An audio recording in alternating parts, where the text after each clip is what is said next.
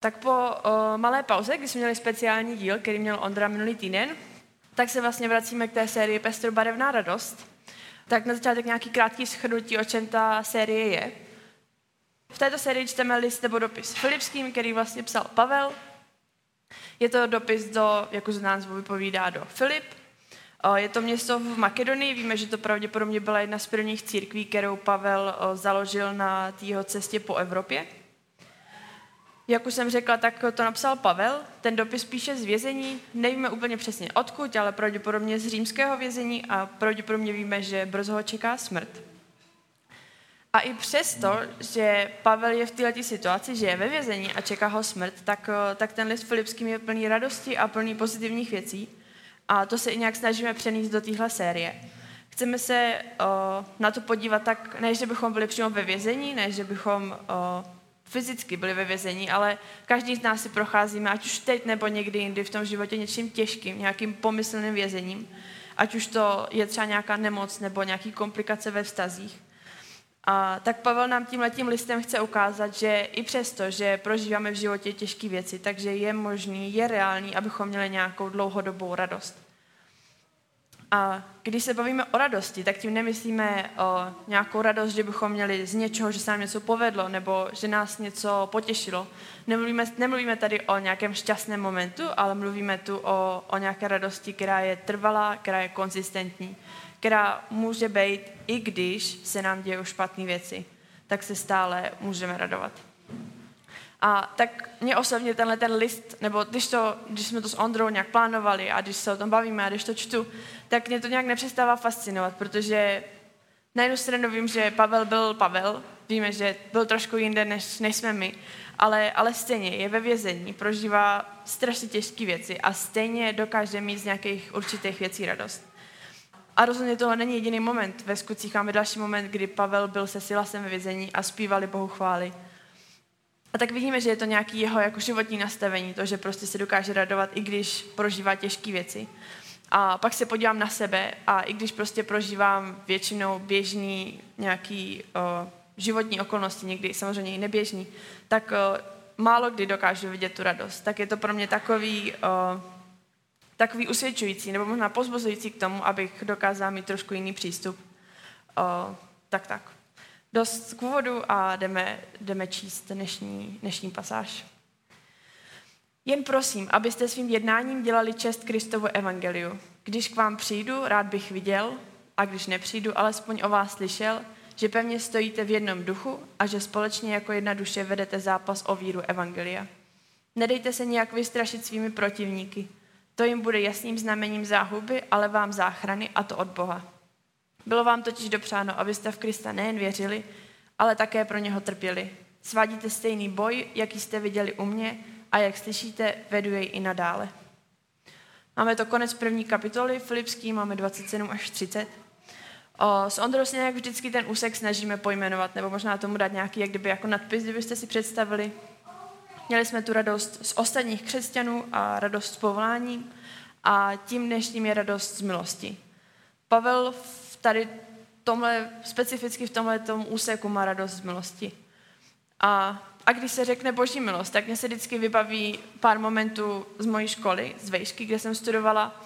Studovala jsem evangelikální teologický seminář, což eh, byla křesťanská škola a v hodně směrech byla hodně jiná, ale v některých směrech byla i docela stejná jako všechny ostatní školy.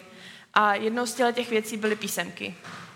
A tak my jsme měli jeden předmět, a vždycky, když jsme šli psát písemku, tak i když to byly normální písemky a křesťanská škola a nešlo o nic velkého, tak jsme z toho prostě byli logicky nervózní. A ta naše, ta naše vyučující v tom předmětu nám vždycky říkala, nebuďte z toho nervózní, ať tu písemku napíšete jakkoliv, tak rozhodně nestratíte boží milost nebo boží spasení. Tak, eh, tak vždycky si, když se mluví o tomhle, tak si vždycky vzpomenu na tohleto. A tak mi to ale vlastně přijde jakoby hodně příhodný k tomuhle tématu, protože z těch všech radostí, které tady dneska budeme, nebo s který budeme během téhle série probírat, tak, eh, tak tahle je ta možná ta nejpevnější nebo nejstálejší. No, osobně si i myslím, že, že by to bylo možná na velkou debatu, ale těch eh, věcí, jak můžeme ztratit boží milost, je hodně málo, takže i proto si myslím, že je to taková nejstálejší radost, protože prostě ji budeme mít moc vždycky. A tak ráda bych se dneska podívala na tři části z té pasáže, co jsme četli. A tou první je život hodný Krista. Čteme na začátku, jen prosím, abyste svým jednáním dělali čest Kristovu evangeliu.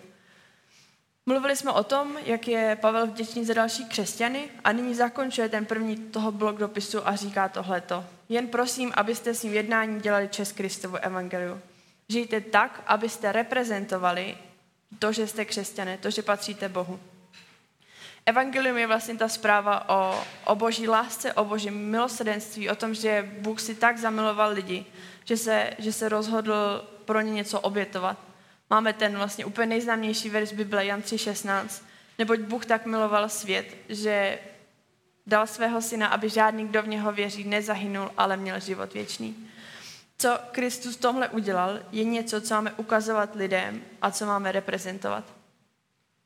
Máme žít tak, abychom svým životem reprezentovali Boha. Abychom svým uka- životem ukazovali, že si vážíme toho, co udělal a to, no, tak. A uh, když se na tím takhle člověk zamyslí, tak možná na první pohled je to docela, docela náročný úkol. Bylo by strašně jednoduchý, kdybychom dostali třeba nějaký seznam věcí, uh, mě u toho napadlo, že, že vždycky, když si balím, třeba když někam jedeme, tak si napíšu přesný seznam věcí, co si chci zabalit a pak si jdu zabalit. A mám vlastně tu přesnou instrukci toho, co mám dělat. A tak o, možná si občas říkáme, když by to bylo takhle jednoduché s tímhletím, když bychom dostali přesný ty instrukce. Ale Pavel nám tady v tomhle vlastně nechává, nechává poměrně volnou ruku. Nechává nás se tady nad tím zamyslet a podívat se na tu naši specifickou situaci a zamyslet se nad tím, co a proč děláme. Nechává nás se zamyslet nad tím, čím, čím bychom mohli v životě ukázat, že si vážíme toho, že, že za nás Ježíš zemřel. A možná můžeme to, můžeme to přenést do toho v tom, jaká jsem sousedka nebo soused, jaká jsem spolupracovnice nebo kolega, jaká jsem dcera, manželka, studentka, cokoliv bychom si tam mohli dosadit. A tak vede nás to, abychom v každé této situaci přemýšleli, jak můžeme reprezentovat to, že jsme, že jsme Boha. A tak někdy to znamená, že musíme něco přestat dělat, možná něco opustit, nebo možná naopak něco dělat víc, nebo změnit to, jak některé věci děláme. A tak já jsem vzpomněla na dva momenty, kdy, kdy jsem si takhle vědomě rozhodla, že chci něco změnit. A první byl eh, někdy na střední, někdy v, v prváku, druháku jsem vlastně Nevím, jestli většina z vás, ale možná někteří z vás to dělali. Uh, jsem si, logicky jsem si někdy psala taháky ve škole. A tak v prváku, v druháku jsem si vlastně uvědomila, že proč to vlastně dělám, proč vlastně, že mně došlo, že nechci takhle jakoby podvádět ten, ten systém nebo, nebo toho učitele. A tak, uh, tak jsem se rozhodla, že, že vlastně tohle to chci přestat dělat, že nechci, nechci takhle podvádět. A tak jasně, je to, je to maličkost, ale osobně si myslím, že je to přesně o tělech každodenních jako maličkostech. O, druhý moment, který mě napadl, který jsme řešili s Tondou vlastně poměrně nedávno, je, že Tonda minulý rok skončil školu a vlastně od září, už od září minulého roku si měl jako začít platit sociální a zdravotní. A tak nabízela se varianta, že by se jako na oko přihlásil na nějakou školu a vlastně nějakých 4-5 měsíců by nemusel platit sociální a zdravotní a ta škola by to platila za něj. Vlastně bychom tím ušetřili strašně moc peněz. A tak chvíli jsme nad tím přemýšleli, ale nakonec jsme došli taky k tomu, že, že vlastně nechceme, nechceme podvádět ten systém, že nechceme se takhle zachovat. A, a tak teď to tady neříkám, abych uh, se nějak předvedla před váma, že, že jsem dokázala nějaký ty věci změnit, nebo, nebo tak, ale chci vám ukázat, jak, jaký můžou být ty momenty, kdy právě reprezentujeme Boha v tom, co děláme. A tak jsou momenty, v některý, některý momenty, kdy ty věci zvládneme změnit sami, kdy zla, sami si zvládneme říct, takhle to neudělám. Ale jsou momenty, kdy v tom nějak potřebujeme Boží pomoc. K jednomu z těch momentů se později dostanu. A vidíme ten Pavlův příklad. Vidíme, co jeho stálo žít život hodný, hodný Krista. A tak si myslím, že pro nás to neznamená to, že o, že máme být pro následovaní nebo mučený za víru. Možná pro někoho to tak znamená, protože jsou lidi, kteří jdou na misie do nějaké zemi, země, kde to může být nebezpečný. Ale jinak si myslím, že takhle v tom běžném životě, že to je o tom, že to je fakt o těch každodenních rozhodnutích, o těch malič, maličkostech v životě. A tak to, jak se dá reprezentovat Krista, o, tak tady si myslím, že by mohla zaznít hodně dlouhá a široká odpověď.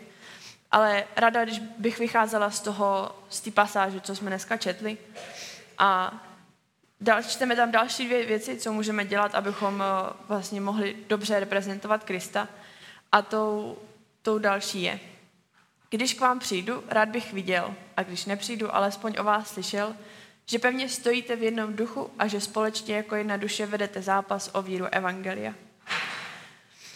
Vidíme tady, že jedna z těch eh, dalších věcí, o kterých Pavel mluví, tak je jednota v církvi. Přijde mi, že, že pro nás, pro lidi je přirozený prostě spíš být individualistický a jet si na tom svým písečku. Ale Pavel nám tady ukazuje, že, že o tom to není. A konec konců, když se podíváme na, na další části v Bibli, tak, eh, tak vidíme, že, že máme být ve společenství. Že to není o tom, abychom byli jako jednotlivci, ale že máme být a žít ve společenství. Konec konců to dává smysl, i když si vezmete běžný život, tak, eh, tak když řešíte třeba nějaký problém, tak je o hodně jednodušší ten problém zvládnout, když ho řešíte minimálně ve dvou nebo ve třech, než když ho řešíte sami. A podle mě zároveň tahle ta věcí je o, jedna z těch věcí, o kterých jsem předtím mluvila, že úplně nezvládneme sami. Často, často, když se podívám na různé církve, na různé společenství, tak vidím, že tohle je jedna z možná z těch největších výzev křesťanů, který mají. A to je to prostě být jednotný v té církvi. Konec konců, když se podíváte jenom kolem sebe, když je nás tady nějakých těch 15 nebo já nevím, kolik nás tu je, tak každý jsme jinak věkově, každý máme jiný zaměstnání, pocházíme z jiného prostředí, máme rádi jiné věci, máme jiné názory. A tak, eh, tak mi přijde, že to je strašně jako velká otázka, jak v tom máme být jednotný, když jsme každý takhle jiný. A tak právě kvůli tomu si myslím, že tohle je jedna z těch věcí, s kterou nám může pomoct Bůh, protože někdy je prostě potřeba víc než je naše snaha. A věřím tomu, že, že Duch Svatý nám v tomhle může pomoct, že může nějak obměkčit to naše srdce na to, abychom dokázali druhý lidi přijmout a brát je prostě takový, jaký jsou a pomoct v tom té jednotě. A uh, pokud v tom nějak vidím, že nějak v tom bojuju nebo že nějak s tím mám problém, tak, uh, tak v tom vás chci pozvodit, že prostě fakt v tom můžeme poprosit Boha, ať nám dá lásku pro toho člověka, který mi nesedí nebo s kterým nějak bojuju napadlo mě u tohohle jako sportovní tým, že, že to může být dobrá paralela k tomu, jak to může být v té církvi. A tak o, i když jsem zkoušela fakt přemýšlet nad nějakým jiným sportem, tak o, jdu zpátky k americkému fotbalu. Protože fakt jsem zkoušela přemýšlet nad jiným sportem a v žádném jiném sportu tak není.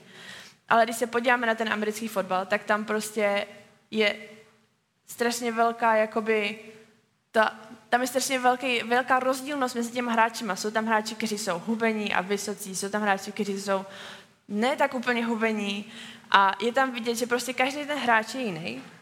A, ale přesně tam je prostě potřeba, aby každý byl jiný. Jsou tam lidi, kteří je právě potřeba, aby nebyli zase tak hubený, aby prostě ubránili, aby udrželi toho, pro, toho protihráče a jsou tam potřeba naopak ty, ty, co jsou hubený a vysoký a rychlí, aby prostě utekli tomu zbytku a chytili ten míč. A je fakt potřeba, aby každý z těch hráčů byl trošku jiný, aby byl přizpůsobený na tu svoji roli, na tu svoji pozici. A, a vlastně v tom je ta síla, že každý z nich je jiný, ale zároveň jsou jednotní. Zároveň jako tým dokážou spolupracovat, dokážou, vědí, jaký je cíl, vědí, jak a kam přihrávat a vědí, jak spolu spolupracovat. A stejně tak je to, je to v církvi. Je to o tom, že každý, každý jsme trošku jiný, každý máme svoji roli nebo pozici, a, ale díky tomu nějak dokážeme fungovat, když budeme jednotní. Další část, na kterou bych se ráda podívala, je o, nedejte se nějak vystrašit svými protivníky. To jim bude jasným znamením záhuby, ale vám záchrany, a to od Boha. Další tady ta část nám podle mě říká, abychom byli odvážní. Pokud žijeme pro, pro Krista, pokud chceme svůj život dát Kristu a nějak ho reprezentovat, tak eh, nastanou chvíle, možná přijdou lidi, kteří, na, který pro nás budou, tady jak čteme, takovými protivníky.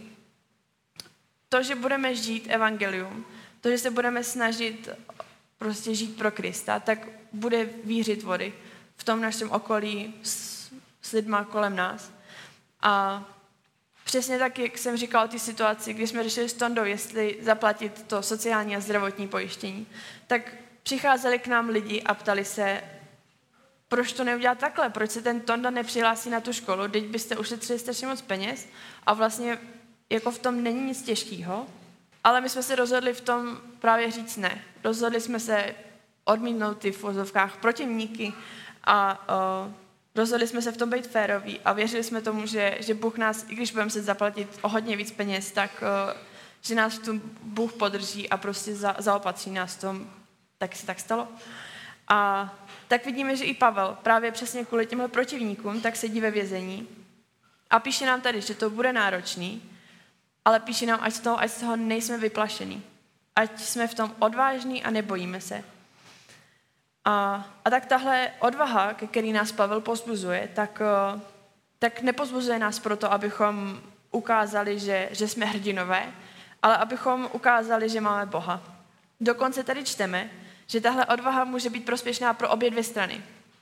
Jak pro ty protivníky, tak i pro nás samotný. Typ u těch protivníků to může víc k tomu, že, že oni uvidí tu naši odvahu, uvidí tu naši odhodlání a řeknou si, aha, tak za tímhle musí být něco víc. Za tímhle musí něco být, proč ten člověk chová tak, jak se chová. A budou o tom víc přemýšlet. Možná se to budou víc zajímat. A nebo naopak, to povede k jejich větší zatvrzelosti. Zároveň to může být velký pozbuzení pro nás, protože o, když už nastane takováhle nějaká těžká situace, nějaký takovýhle napětí a Bůh nás tom pomůže, Bůh, nás tom, Bůh nám v tom pomůže, bude v tom jednat, tak o, my najednou zjišťujeme, že to jde, že Bůh nám dává do toho sílu a může to pro nás být velkým pozbuzením pro další takovýhle momenty. A příště už si vzpomenu možná, že jo, já na tohle nemusím být sama, je tady někdo, o koho se můžu opřít. Můj závěr z toho dnešního kázání je, Bůh se rozhodl nám dát svoji milost. Náš, náš, nás jako křesťanů, náš úkol je Boha reprezentovat. A tak myslím si, že milost je to, že, že Bůh se rozhodl, že s námi chce mít vztah, že rozhodl se, že proto něco udělá, aby to tak mohlo být. A v praxi tahle milost může vypadat asi, může mít hodně způsobů, může mít hodně podob, ale jednou z nich může být to, že na nic z toho nemusíme být sami. Bůh přichází do těch našich vězení, do těch našich jednot nebo nejednot v církvi, do našich trápení, našich bojů. A tam všude za náma Bůh přichází a chce být takovou naší podporou. A tak Bůh tenhle ten hodně v vozovkách úkol splnil, to, že nám dal tu svoji milost a na nás je teď Boha reprezentovat. Úplně, úplně na závěr bych ráda řekla, že pokud z téhle série o všech těch radostech zapomenete třeba většinu věcí, tak je to v pohodě. A zkuste si pamatovat tuhle tu věc, že, že si prostě můžete být skálopevně jistí, že, že tahle ta milost, že to, že Bůh s váma chce být, tak je vždycky bude platit a vždycky to může být něco, co nás může nějak držet nad vodou nebo z čeho můžeme být radost.